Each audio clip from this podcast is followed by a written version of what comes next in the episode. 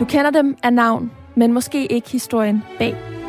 Y-stolen, Lykkepære, Levi's jeans Porschen, eller The Godfather.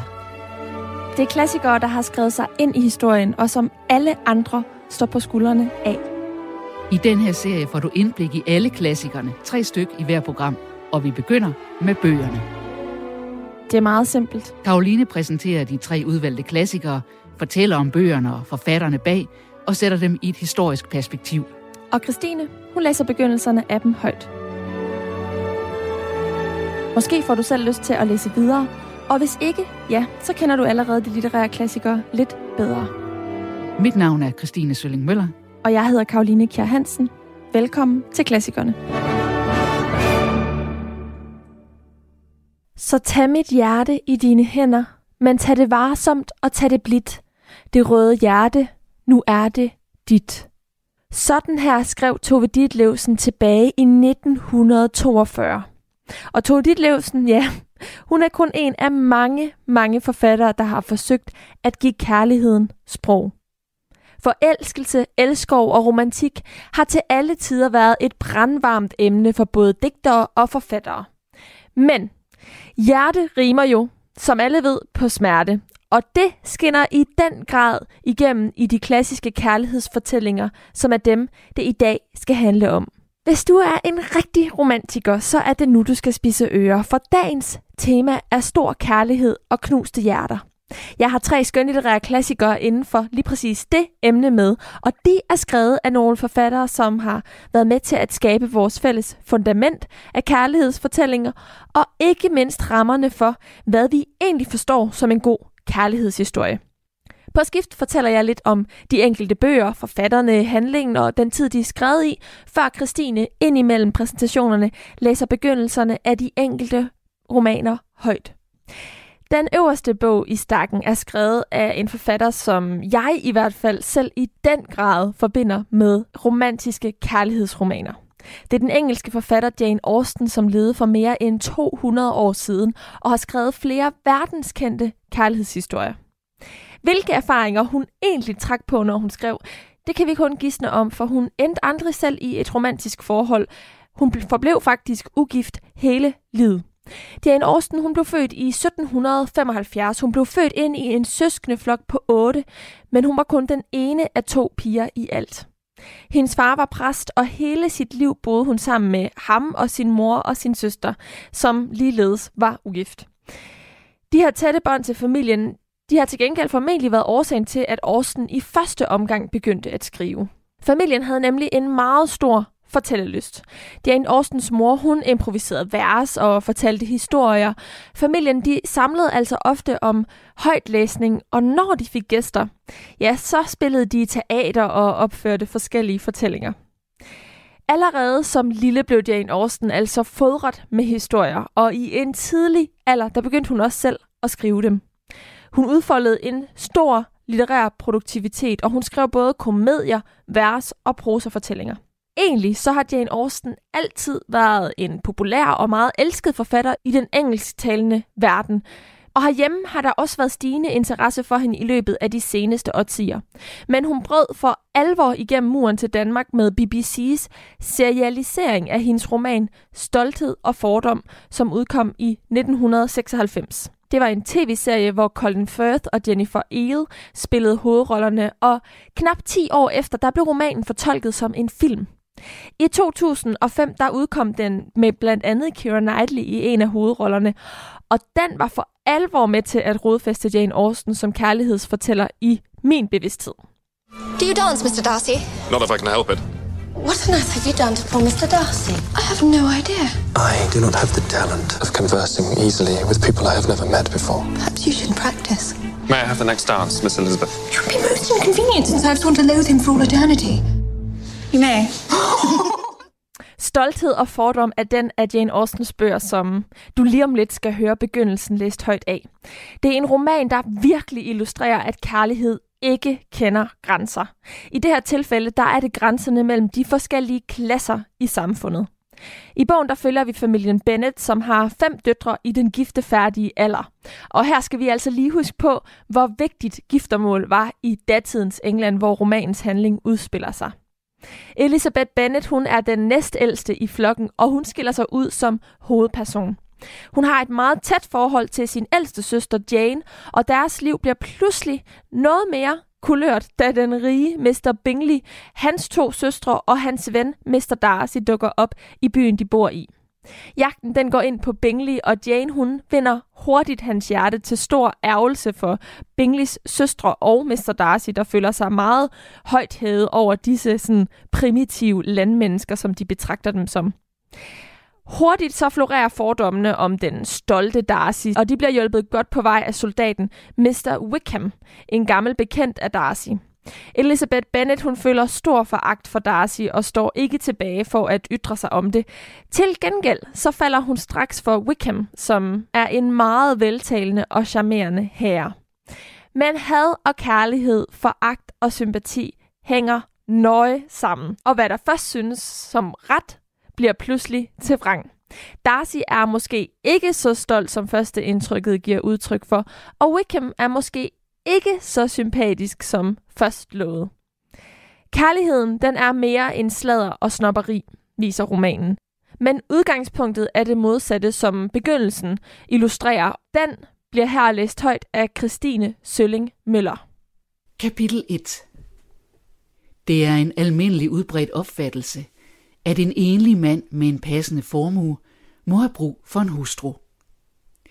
Uanset hvor lidt man måtte kende til en sådan mands følelser og anskuelser, den første gang han viser sig i nabolaget, er denne opfattelse så indgroet i de lokale familiers tankegang, at han betragtes som en af deres døtres retmæssige ejendom. Kære Mr. Bennet, sagde hans frue til ham en dag, har de hørt, at Netherfield Park om sider er lejet ud? Mr. Bennet svarede, at det havde han ikke. Men det er det, vedblev hun, for Mrs. Long har lige været her, og hun fortalte mig det hele. Mr. Bennet svarede ikke.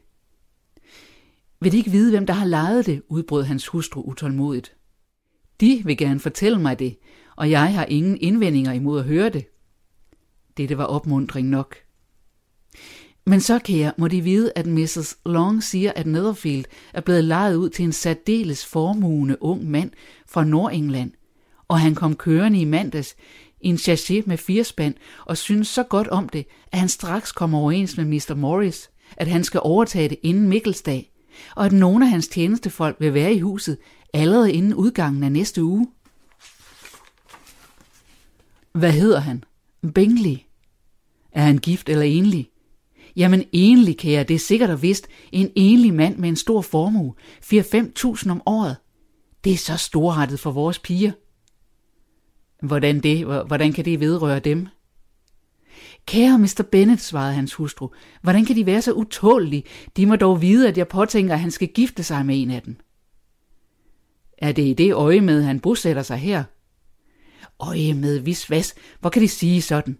Men det er højst sandsynligt, at han kunne forelske sig i en af dem, og derfor må de aflægge ham visit, så snart han kommer. Det ser jeg ingen anledning til.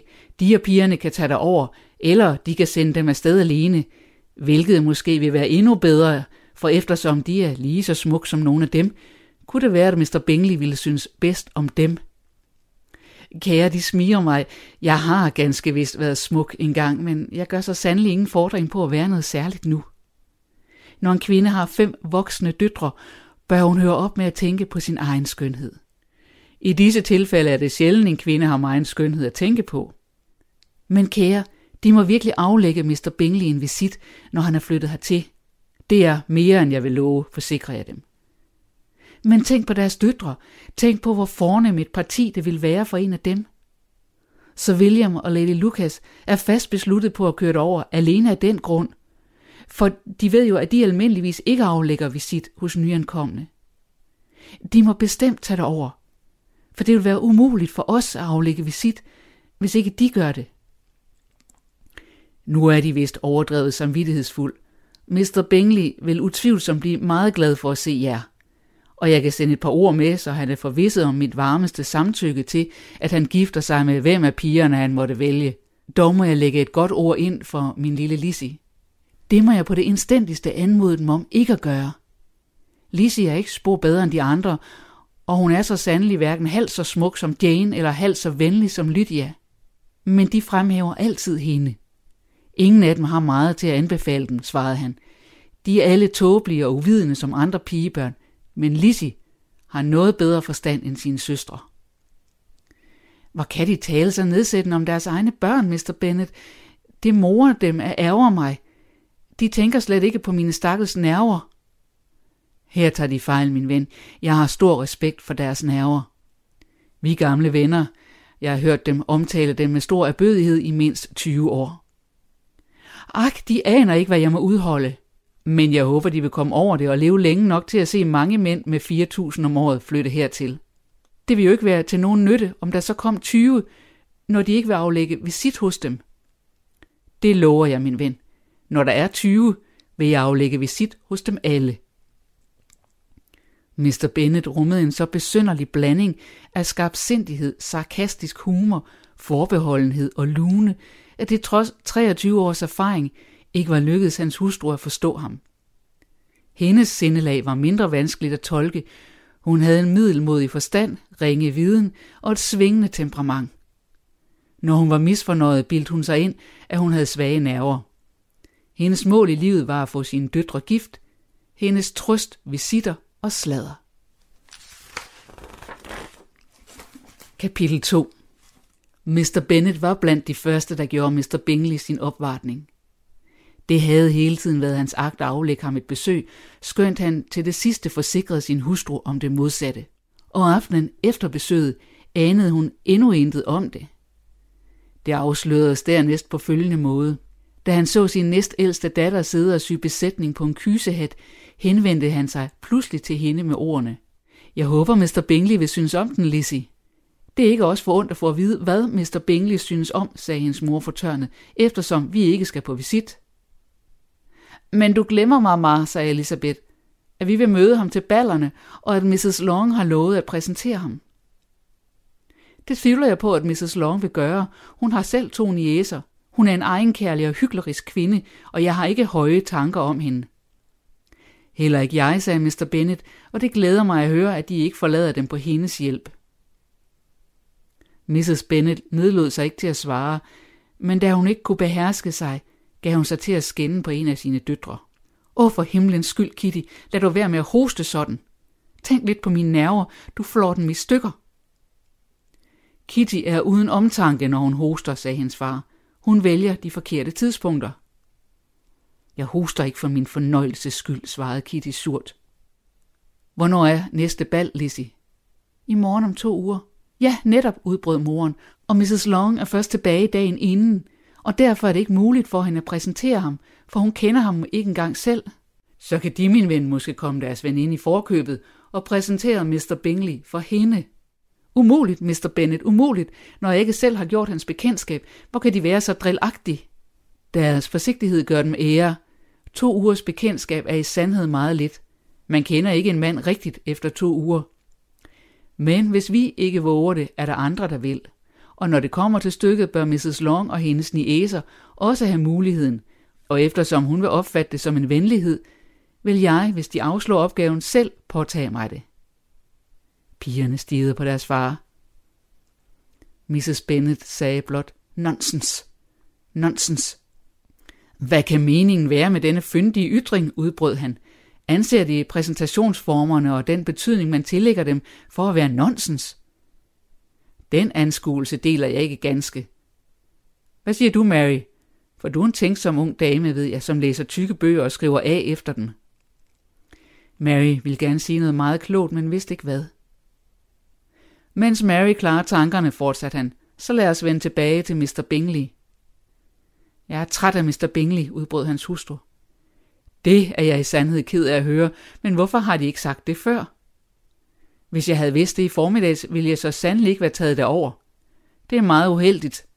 Men eftersom jeg allerede har gjort det, kan vi ikke undgå bekendtskabet. Forbløffelsen hos damerne var netop som han havde ønsket, og Mrs. Bennet overgik måske de øvrige, men da den første jubel havde lagt sig, erklærede hun, at dette blot var, hvad hun hele tiden havde forventet.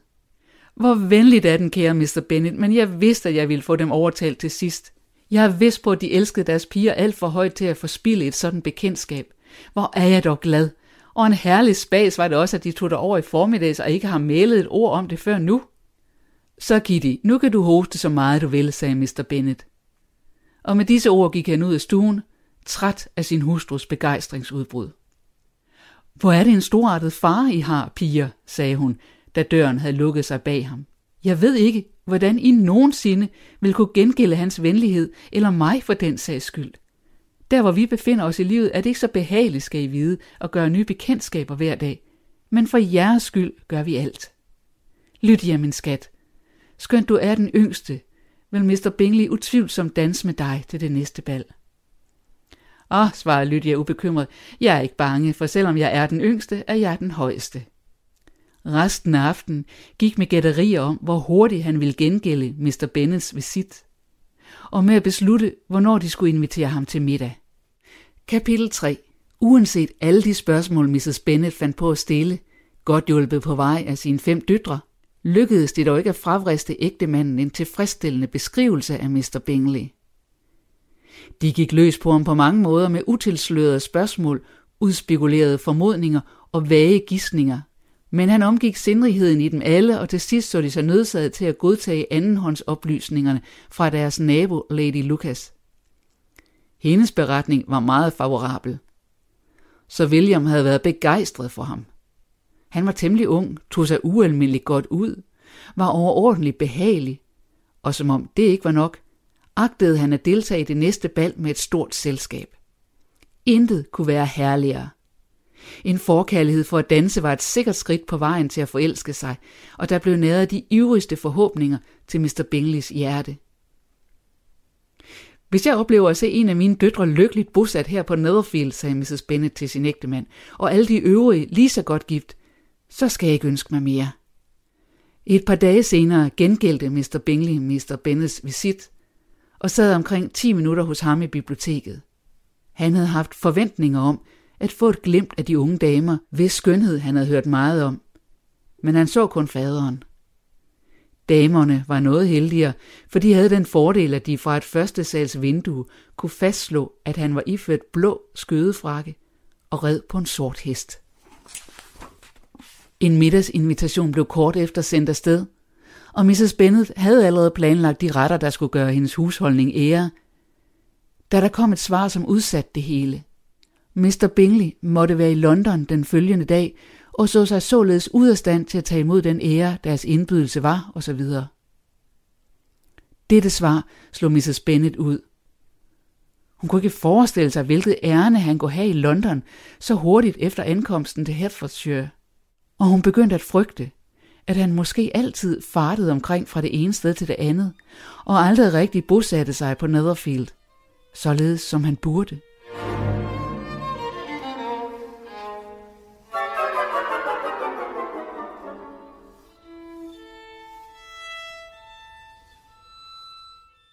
For de nytilkommende lyttere, så kan jeg sige, at du lytter til klassikerne her på Radio 4. Det er et nyt program, hvor vi dykker ned i alt det, som de fleste kender af navn, men formentlig ikke historierne bag. Alle de klassikere, som har skrevet sig ind i den samlede historie, og som alle andre, altså forfattere, designere og filmskabere, står på skuldrene af. I den her sommermåned, der er det mere præcist bøgerne, vi dykker ned i. Hver uge så vælger vi tre bøger under et bestemt tema. Jeg fortæller først lidt om bøgerne, før Christine læser begyndelsen af bøgerne højt. Måske så får du selv lyst til at læse videre på egen hånd. Om ikke andet, så lærer du i hvert fald de skønlitterære klassikere lidt bedre at kende. I denne uge, der er det temaet stor kærlighed og knuste hjerter, som vi ser nærmere på. Altså de klassiske fortællinger inden for det her kærlighedstema. Særligt det sidste, altså knuste hjerter, er noget, som den næste bog handler om. Titlen er Den unge Werthers lidelser. Den er skrevet af den tyske forfatter Johann Wolfgang von Goethe og er blevet kaldet intet mindre end kærlighedshistorien over dem alle. Et på mange måder klassisk trekantsdrama, det er det, som romanen den handler om. Den unge mand Werther flygter fra byens larm og trængsel for at søge fred og ro på landet. Men som du måske allerede kan regne ud, så er det ikke det, han finder der. På landet finder han i stedet en uudholdelig og ukontrollerbar forelskelse. Lotte, som han forelsker sig i, er nemlig først blevet forlovet og bliver senere gift med en anden. Den meget korrekte embedsmand Albert. En mand, som står i stor kontrast til vores kære hovedperson, som er følelsesladet og ender med at lade sine følelser tage styringen over sig og faktisk tage sit eget liv. Handlingen i den unge værters lidelser har Goethe efter sine hentet inspiration til fra sin egen virkelighed. Goethe han var nemlig ikke blot forfatter, men også naturforsker og politisk administrator. I 1772, to år før den unge værters lidelser udkom, der opholdt Goethe sig i købstaden Wetzlar, hvor højeste retten, som det også hedder, havde sæde. Her blev han en del af en gruppe unge jurister, som hver aften mødtes på gæstgivergården som kronprinsen. To i gruppen var henholdsvis den dystre Wilhelm Jerusalem og den ældre og tørre Johan Christian Kestner. Kestner var forlovet med en 15-årig kornblond skønhed, som hed Charlotte. Men Charlotte var Wilhelm altså også forelsket i. Da Goethe skrev romanen, havde Wilhelm skudt sig i desperation over sin udsigtsløse kærlighed, og det blev altså anstødstenen til romanen. Goethe tilbragte fire dage med at støve rundt omkring scenen for tragedien og samle informationer. Herefter der skrev han den på kun fire uger. Da romanen den udkom, der var den stor opmærksomhed på grund af dens kritik af den dengang ellers sådan udbredte forståelse af mennesket som rationelt og mådeholdent. Faktisk så blev romanen, som i øvrigt er en brevroman, det vil sige, den består af breve, censureret eller direkte forbudt i mange lande, herunder blandt andet Danmark. Men i 1872 der blev den for første gang oversat og udgivet på dansk, og begyndelsen af brevromanen skal vi nu høre oplæst af Christine Sølling Møller. 4. maj 1771. Hvor er jeg dog glad for, at jeg kom væk. Kære ven, hvor underligt menneskets hjerte dog er indrettet. At forlade dig, som jeg holder så meget af.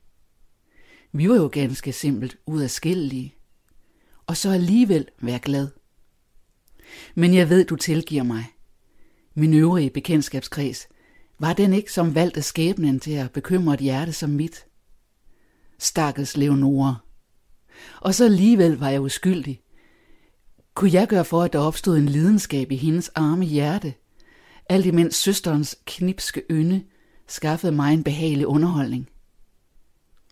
Og dog, er jeg helt uskyldig, Gav jeg ikke næring til hendes følelser?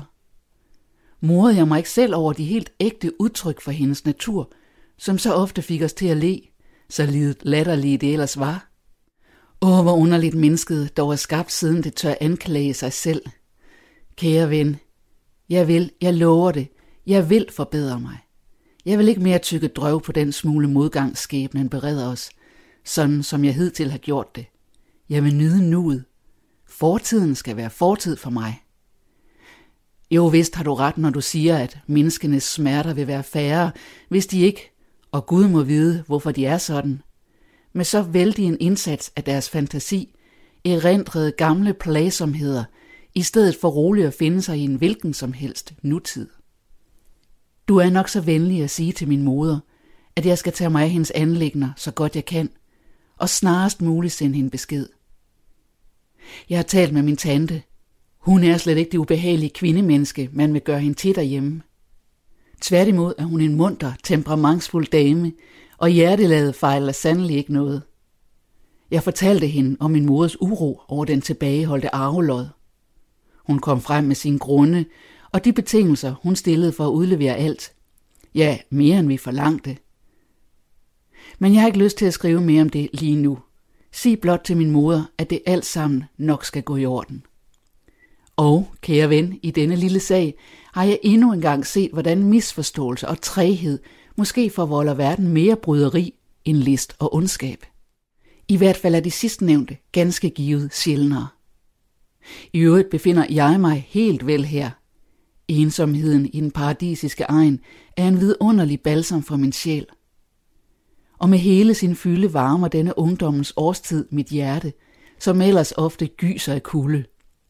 Hver træ, hver hæk står i et flor, og man kunne ligefrem ønske, at man var en oldenborger og fløj omkring i dette ocean af vellugt og ikke behøvede anden næring.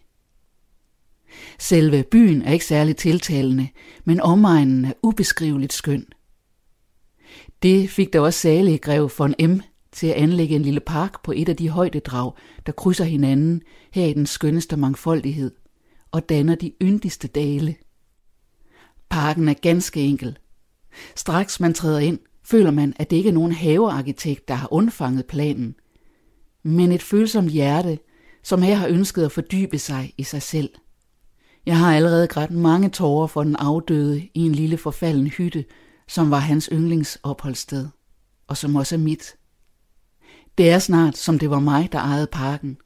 Bare på de par dage er gardneren blevet mig meget hengiven, hvad han heller ikke skal komme til at fortryde. 10. maj. En vidunderlig munterhed har fyldt min sjæl.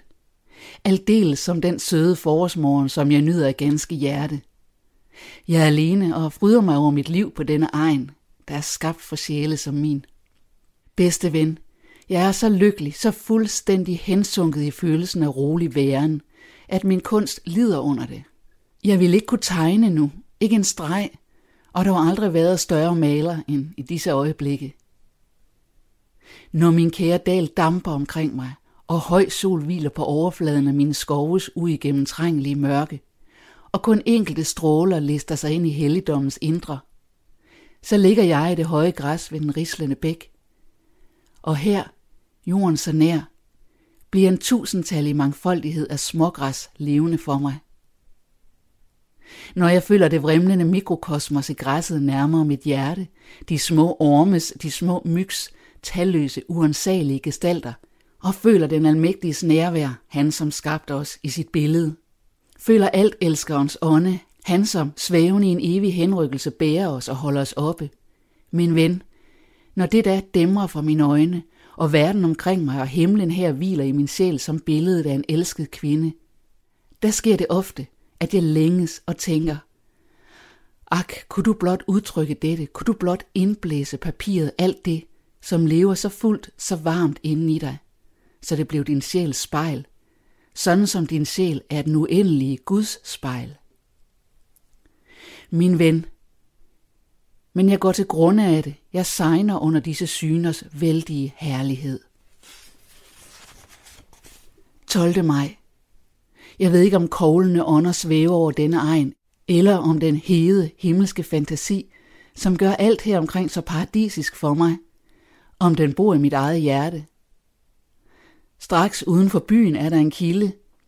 En kilde, som jeg er så troldbundet af, som Melusine til sine søstre. Du går ned ad en lille høj og befinder dig foran en vælving. Derfra fører en snes trin ned til det sted, hvor det klareste vand vælger frem af marmorklippen. Den lille mur, som ovenfor indfatter stedet.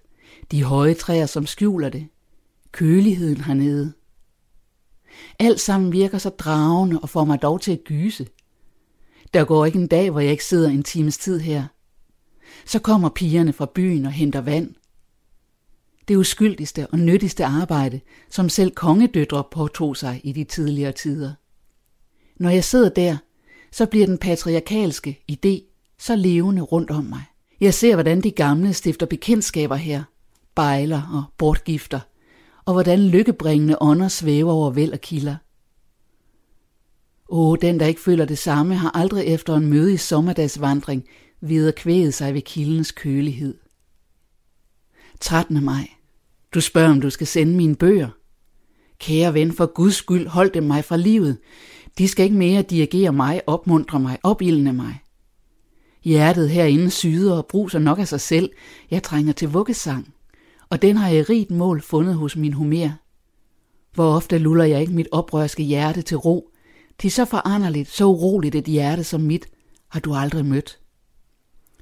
Kære ven, det behøver jeg jo ikke at fortælle dig, du som så ofte er blevet belemret med synet af, hvordan jeg slog over fra sorg til udsvævelse, og fra sød melankoli til rasende lidenskab.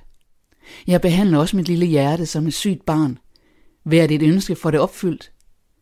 Men det skal du ikke fortælle nogen. Der er dem, der vil tage mig det ilde op. 15. maj. Byens jævne folk kender mig allerede og kan godt lide mig. Særligt børnene. Jeg gjorde ellers en trist jagttagelse. Når jeg i begyndelsen ville være venlig og spurgte om dette og hint, troede nogen af dem, at jeg gjorde nar og affærdigede mig temmelig groft. Det lod jeg mig nu ikke gå på af, selvom jeg nok på det mest levende følte, hvad jeg så tit har lagt mærke til. At folk, som blot er af nogen stand, altid vil holde sig i kølig afstand fra jævne mennesker, som om de tror, de mister noget ved en tilnærmelse. Der findes jo også vindbøjtler og ondskabsfulde naifaser, der spiller nedladende, bare for at deres overmod desto føleligere kan ramme folk, der ikke er helt så højt på strå.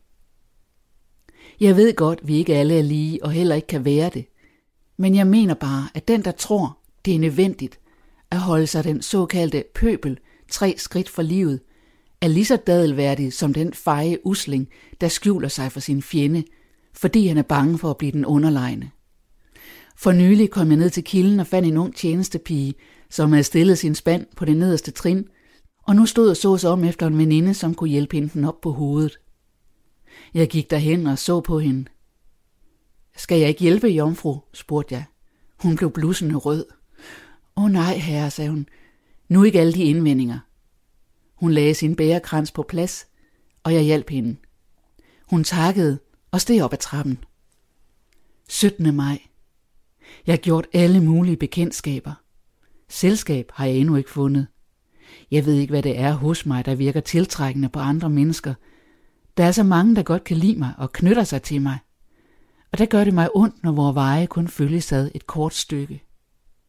Når du spørger, hvordan folk er her, så må jeg svare, som alle steder. Der er noget ensformigt ved menneskeslægten. De fleste arbejder størsteparten af tiden for at kunne leve, og den smule fritid, der bliver til overs, gør dem så ængstelige, at de tager alle midler i brug for at blive den kvit. Åh, du menneskets bestemmelse. Når jeg mange gange glemmer mit eget, mange gange sammen med dem nyder de glæder, det endnu er tilladt et menneske at nyde, som at sidde ved et veldækket bord og pjanke, og spøge ganske åbenhjertigt og troskyldigt, eller arrangere en køretur eller en dans, som det nu passer med dagen og timen, eller noget andet af den slags. Så har det en ganske god indvirkning på mig.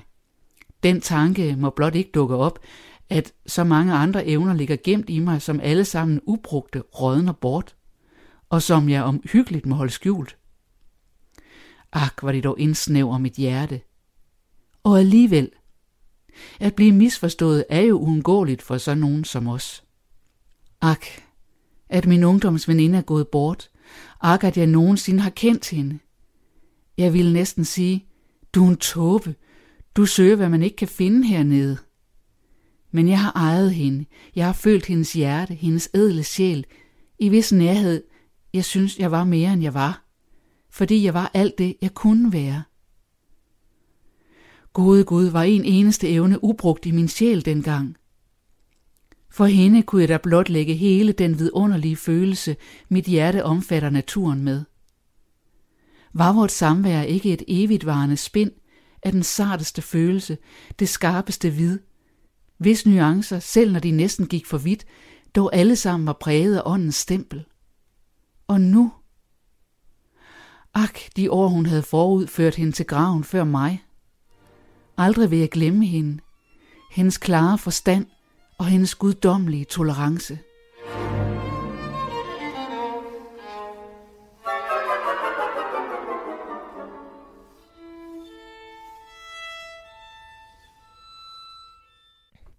Den sidste roman, vi skal have fat i her i klassikerne, som i denne sommermåned handler om bøger, og i denne uge mere bestemt handler om temaet stor kærlighed og knuste hjerter. Ja, det er en bog, som det sidste år med coronapandemien har fået noget af en fornyet aktualitet. Den foregår i hvert fald et pandemiramt sted, og det fremgår sågar også af dens titel. Kærlighed i kolerans tid hedder den. Kolera er en smitsom mavetarmsygdom, der forårsagede pandemier verden over ind til begyndelsen af 1900-tallet. Og den er skrevet af den kolumbianske forfatter Gabriel Garcia Marquez. Han er en af de forfattere til klassikere, som vi fremhæver her i programmet, der levede i nyere tid. Han blev født i 1928 og døde i 2014. Men i mellemtiden, der nåede han virkelig at sætte Latinamerika på det litterære verdenskort. I dag anses han nemlig for at være en af Latinamerikas vigtigste forfattere, og han er især kendt for sin brug af magisk realisme, det vil sige, at han skildrer egentlig et relativt realistisk univers, men så indimellem, så sker der noget lidt øh, magisk, usandsynligt, noget vi ikke oplever i vores verden, som manipulerer lidt med vores forståelse af den verden, han så rent faktisk skriver frem. I virkeligheden så er Gabriel Garcia Marquez et godt eksempel på, at man får noget godt ud af at studere de gamle klassiske fortællinger. Marquez han har nemlig selv læst rigtig meget. Blandt andet den tyske forfatter Franz Kafka, som med sine fortællinger også har opnået klassikerstatus. Og det var ifølge Marquez selv mødet med helt specifikt Franz Kafkas novelle med titlen Forvandlingen, der inspirerede ham til at skrive magisk realistisk. Så også krydret med erindringerne om, hvordan hans bedstemor fortalte historier for ham, da han var lille, har han fortalt. I 1982, der modtog Marquez Nobelprisen i litteratur. Og fire år senere, der udgav han romanen Kærlighed i kolerans tid. Udover magisk realisme, så er ensomhed også et nøgleord, når man skal beskrive Marquesses forfatterskab. Ensomhed, som mange har oplevet her under coronapandemien, er et centralt tema i romanen Kærlighed i kolerans tid. 53 år, 7 måneder og 11 dage må manden Florentino i Kærlighed i kolerans tid vente på sit livs kærlighed. Han lever i det koleraplade Colombia, hvor han forelsker sig i kvinden Famina. Men Famina, hun er, ligesom Lotte var i den unge værters lidelse, som vi talte om lige før, gift med en anden mand. Mere bestemt er hun gift med dr. Juvenal Urbino. En dag efter mange, mange år dør Urbino uventet. Han falder ned af en stige under et forsøg på at fange sin undslupne papegøje. En papegøje, som også er afbildet på forsiden af den nyeste oversættelse af romanen, som jeg står med. Og så endelig, endelig kan Florentino slå til. Kærlighed i kolerans tid er en roman om en alt fortærende kærlighed, der nærmest er lige så symptomfuld som symptomerne fra den fysiske smitte under et, en pandemitid. Kærligheden er et kvælende væsen, når den ikke er gengældt, men også desto smukkere og mere inspirerende, når den tilkommer den tålmodige. At kærligheden dog også kan tage liv med sig i graven, det beretter fortællingen om. Faktisk så følger vi som læser i begyndelsen i fodsporene af dr. Juvenal Urbino, der skal inspicere et lig. Der modsat og overraskende nok mange andre lig i romanens tid ikke skyldes ulykkelig kærlighed. Her får du begyndelsen af Kærlighed i kolerans tid, læst højt af den altid gode Christine Sølling Møller. Det var uundgåeligt. Duften af bitre mandler mindede ham altid om den skæbne, der overgår ulykkelige kærlighedsforhold. Dr. Juvenal Urbino mærkede den i det han trådte ind i huset, der endnu henlå i halvmørke, og hvortil han i hast var kommet for at tage sig en sag, der for mange år siden var holdt op med at være presserende for ham. Flygtningen fra Antillerne, Jeremiah de Senamur, krigsinvalid, børnefotograf og hans mest barmhjertige skakmodstander, havde bragt sig uden for rækkevidde af erindringens pinsler med en røgelse af guldcyanid. Han fandt livet dækket af tæppe på den feltseng, hvor han altid havde sovet. I nærheden af en taburet med det lille fad, der var blevet brugt til fordampning af giften. På gulvet, bundet til et ben på feltsengen, lå livet af en sort Grand Noir med snehvidt bryst udstrakt. Og ved siden af den lå krykkerne. Det kvælende og rodede værelse, der på samme tid gjorde det ud for soveværelse og mørkekammer, begyndte kun så småt at blive oplyst af skæret fra morgengryet gennem det åbne vindue. Men der var lys nok til øjeblikkeligt at konstatere dødens autoritet. De andre vinduer var ligesom en hver revne i værelset, stoppet til med klude eller dækket med sorte stykker pap. Og dette forstærkede den trykkede indelukkethed. Der stod et kæmpestort bord fyldt med flasker og beholdere uden etiketter. Og to fade med afskallet emalje under en ordinær pære, dækket af rødt papir. Det tredje fad, det med fixervæsken – var det, der stod ved siden af livet. Der lå gamle tidsskrifter og aviser alle vegne, og dynger af negativer på glasplader.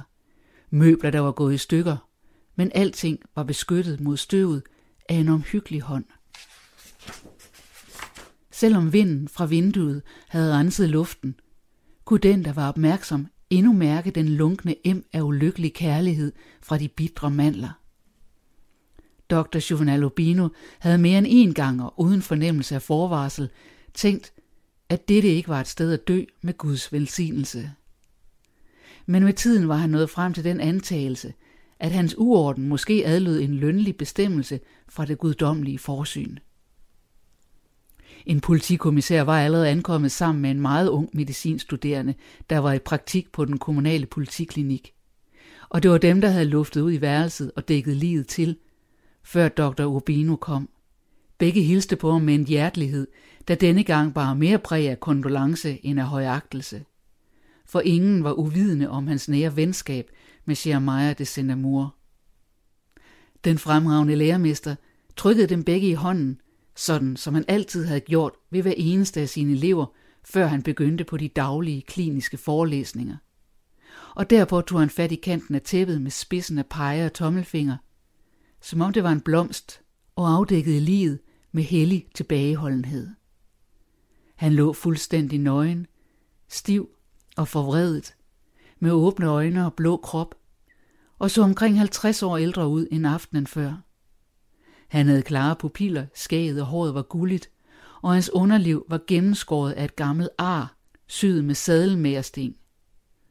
Hans torso og hans arme var på størrelse med en galejslaves efter slidet med krykkerne. Men de kraftesløse ben lignede benene på et forældreløst barn. Dr. Jonas Lobino betragtede ham et øjeblik, fyldt af en smerte, han kun havde følt få gange i sin overlange, frugtesløse kamp imod døden. Fjols, sagde han. Nu er det værste over. Han lagde lanet over ham igen og genvandt sin akademiske holdning. Året før havde han fejret sin 80-års fødselsdag med en officiel hyldestfest i tre dage, og i takketalen havde han endnu en gang modstået fristelsen til at trække sig tilbage. Han havde sagt, jeg får tid nok til at hvile mig, når jeg dør, men denne mulighed indgår endnu ikke i mine planer. Selvom han hørte stadig dårligere på det højre øre og støttede sig til en stok med sølvknop for at skjule sin usikre gang, gik han stadig med samme anstand, som da han var ung, klædt i et sæt tøj og hørlæret og med guldkæden tværs over vesten. Pastørskægget, der var perlemusfarvet, og håret, der havde samme farve og lå glat ind til hovedet og var delt med en net skilning i midten, var præcise udtryk for hans karakter. Så vidt muligt kompenserede han for den stadig mere foruroligende erosion af hukommelsen med hastigt nedkrassede notater på løse papirlapper, som til sidst lå blandet hulter til bulter i alle hans lommer, ligesom instrumenterne, medicinflaskerne og mange andre ting i den overfyldte lægetaske. Han var ikke alene den ældste og mest berømte læge i byen, men til lige den mest elegante. Ikke desto mindre havde hans demonstrative visdom og hans alt andet end troskyldige måde at anvende den magt, der lå i hans navn på, skaffet ham mindre hengivenhed, end han fortjente. Instrukserne til kommissæren og praktikanten var præcise og hurtige. Der skulle ikke foretages obduktion. Stanken i huset var tilstrækkeligt til at fastslå, at dødsårsagen var uddunstningerne fra fadet med cyaniden, der var blevet aktiveret af en eller anden fotografisk syre. Og Jeremiah de Sendamur vidste så meget om disse sager, at han ikke kunne have gjort det ved en fejltagelse. Da kommissæren tøvede, bed han ham af med en skarp bemærkning, der var typisk for hans væremåde. Glem ikke, at det er mig, der skriver under på dødsattesten. Den unge læge var skuffet. Han havde aldrig haft held til at studere virkningerne af guldsyrenid på et lig. Dr. Urbino var blevet overrasket over, at han aldrig havde set ham på det lægevidenskabelige fakultet. Men forstod det straks, da han så, hvor let han rødmede, og hørte hans andindiske accent. Måske var han kommet til byen for nylig. Her skal de som en nok finde en eller anden, der er blevet skør af kærlighed, og som giver dem mulighed for det en af dagene, sagde han. Og netop som han sagde det, faldt det ham ind, at blandt de utallige selvmord, han huskede, var dette det første udført ved hjælp af cyanid, som ikke skyldes en trist kærlighedsskæbne. Så ændredes et eller andet i hans måde at tale på. Når de finder det, så vær opmærksom, sagde han til praktikanten. De plejer at have sand i hjertet. Derpå talte han til kommissæren, som om han talte til en underordnet. Han befalede ham at gå udenom alle instanser for, at begravelsen kunne finde sted om eftermiddagen samme dag og i dybeste stillhed. Jeg taler med borgmesteren bagefter, sagde han. Han vidste, at Jeremiah de Senamur havde levet et primitivt asketisk liv, og at han havde tjent mere ved sin kunst, end han havde haft brug for til livets opretholdelse, så i en eller anden skuffe i huset måtte der være penge til overs til udgifterne ved begravelsen. Men hvis I ikke finder nogen sand, er det lige meget. Jeg skal nok sørge for alt. Han bad kommissæren sige til aviserne, at fotografen var død af naturlige årsager, skønt han ikke regnede med, at nyheden interesserede dem det mindste. Om nødvendigt kan jeg tale med guvernøren, sagde han. Kommissæren, en redelig og beskeden embedsmand, vidste, at lærermesterens strenge overholdelse af samfundsmæssige forskrifter bragte selv hans nærmeste venner på randen af raseri, og han var overrasket over, hvor let han gik hen over den lovpligtige forretningsgang for at fremskynde begravelsen. Kommissæren, der følte ubehag over sin egen frækhed, prøvede at slippe udenom. Jeg troede, denne mand var en helgen, sagde han. Noget endnu mere besynderligt, svarede dr. Urbino. En ateistisk helgen, men det er Guds anlægner. Langt borte i den anden ende af den koloniale by, kunne man høre domkirkens klokker ringe til højmesse. Dr. Juvenal Urbino tog sine halvmåneformede briller med guldstel på og kiggede på det lille guldur med guldkæden, der var kvadratisk og fint, og det slå åbnedes ved hjælp af en fjeder. Han var på nippet til at gå glip af pinsegudstjenesten. Inde i stuen stod der et kæmpestort fotografiapparat på hjul, magen til dem, man finder i offentlige parker, og et himmelblåt tæppe med primitive malerier, og væggene var besat med portrætter af børn på mærkedagene. Den første kommunion, kaninforklædning, den lykkelige fødselsdag. Dr. Urbino havde set den langsomme tildækning af væggene år for år, mens han sad fordybet i grublerier på skak eftermiddagene. Og han havde mange gange med et streg for sårmodighed tænkt, at det var i dette galleri af tilfældige portrætter, kimen til den fremtidige by lå. At den ville blive regeret og fordærvet af disse usikre børn. Ikke engang asken af hans ære ville blive tilbage. På skrivebordet, ved siden af en krukke med sømandspiver, stod skakbrættet med et uafsluttet parti. På trods af sit hastværk og sin dystre sindstemning, kunne dr. Urbino ikke modstå fristelsen til at kigge nærmere på det. Han vidste, det var partiet fra den foregående aften, for Jeremiah de Mur spillede alle ugens eftermiddag, og med mindst tre forskellige modstandere. Men han spillede altid spillet til ende, og gemte derpå brættet og brækkerne i æsken, og lagde den ned i en skuffe i skrivebordet. Han vidste, at han spillede med hvide brikker, og denne gang var det indlysende, at han uundgåeligt ville have tabt efter fire træk mere. Hvis der havde været tale om en forbrydelse, ville det da have været et fint spor, sagde han ved sig selv. Jeg kender kun en mand, der er i stand til at lave et så mesterligt baghold. Han ville ikke have kunne leve videre uden senere at finde ud af, hvorfor denne uovervindelige soldat, der var vant til at kæmpe til sidste blodstråbe, ikke havde kæmpet den sidste krig i sit liv til ende.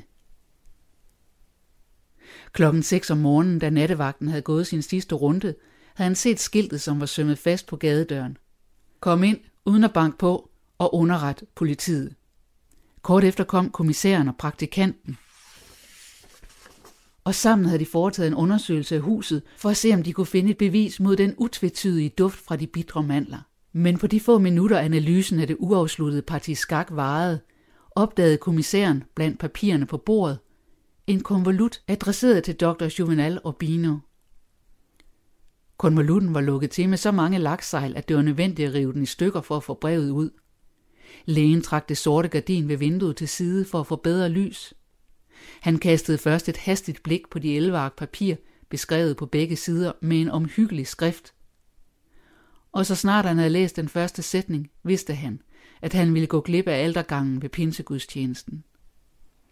Han læste stakåndet, vendte flere gange tilbage til de foregående sider for at finde den tabte tråd.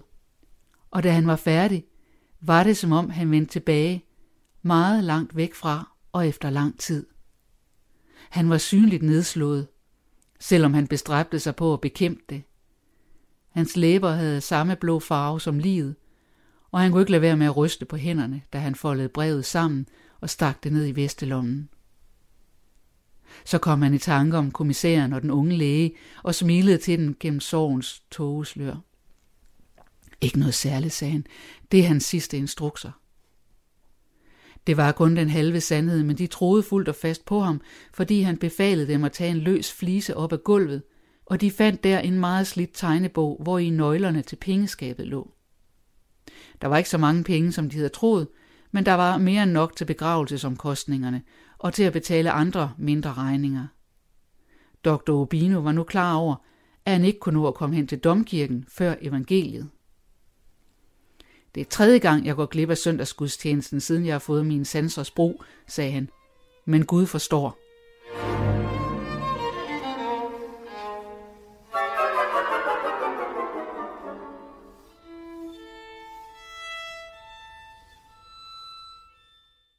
Er nået til vejs ende i dagens udsendelse af klassikerne her på Radio 4.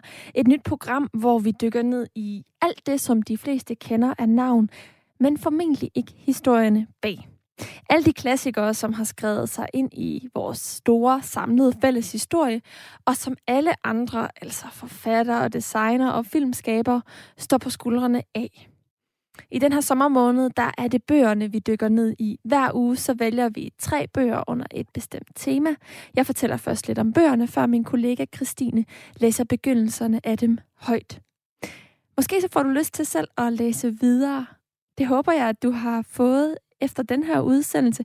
I hvert fald, hvis du er lidt af en romantiker. Hvis ikke, så har du i hvert fald lært nogle af klassikerne lidt bedre at kende. Det er Jane Austens stolthed og fordom, vi har talt om.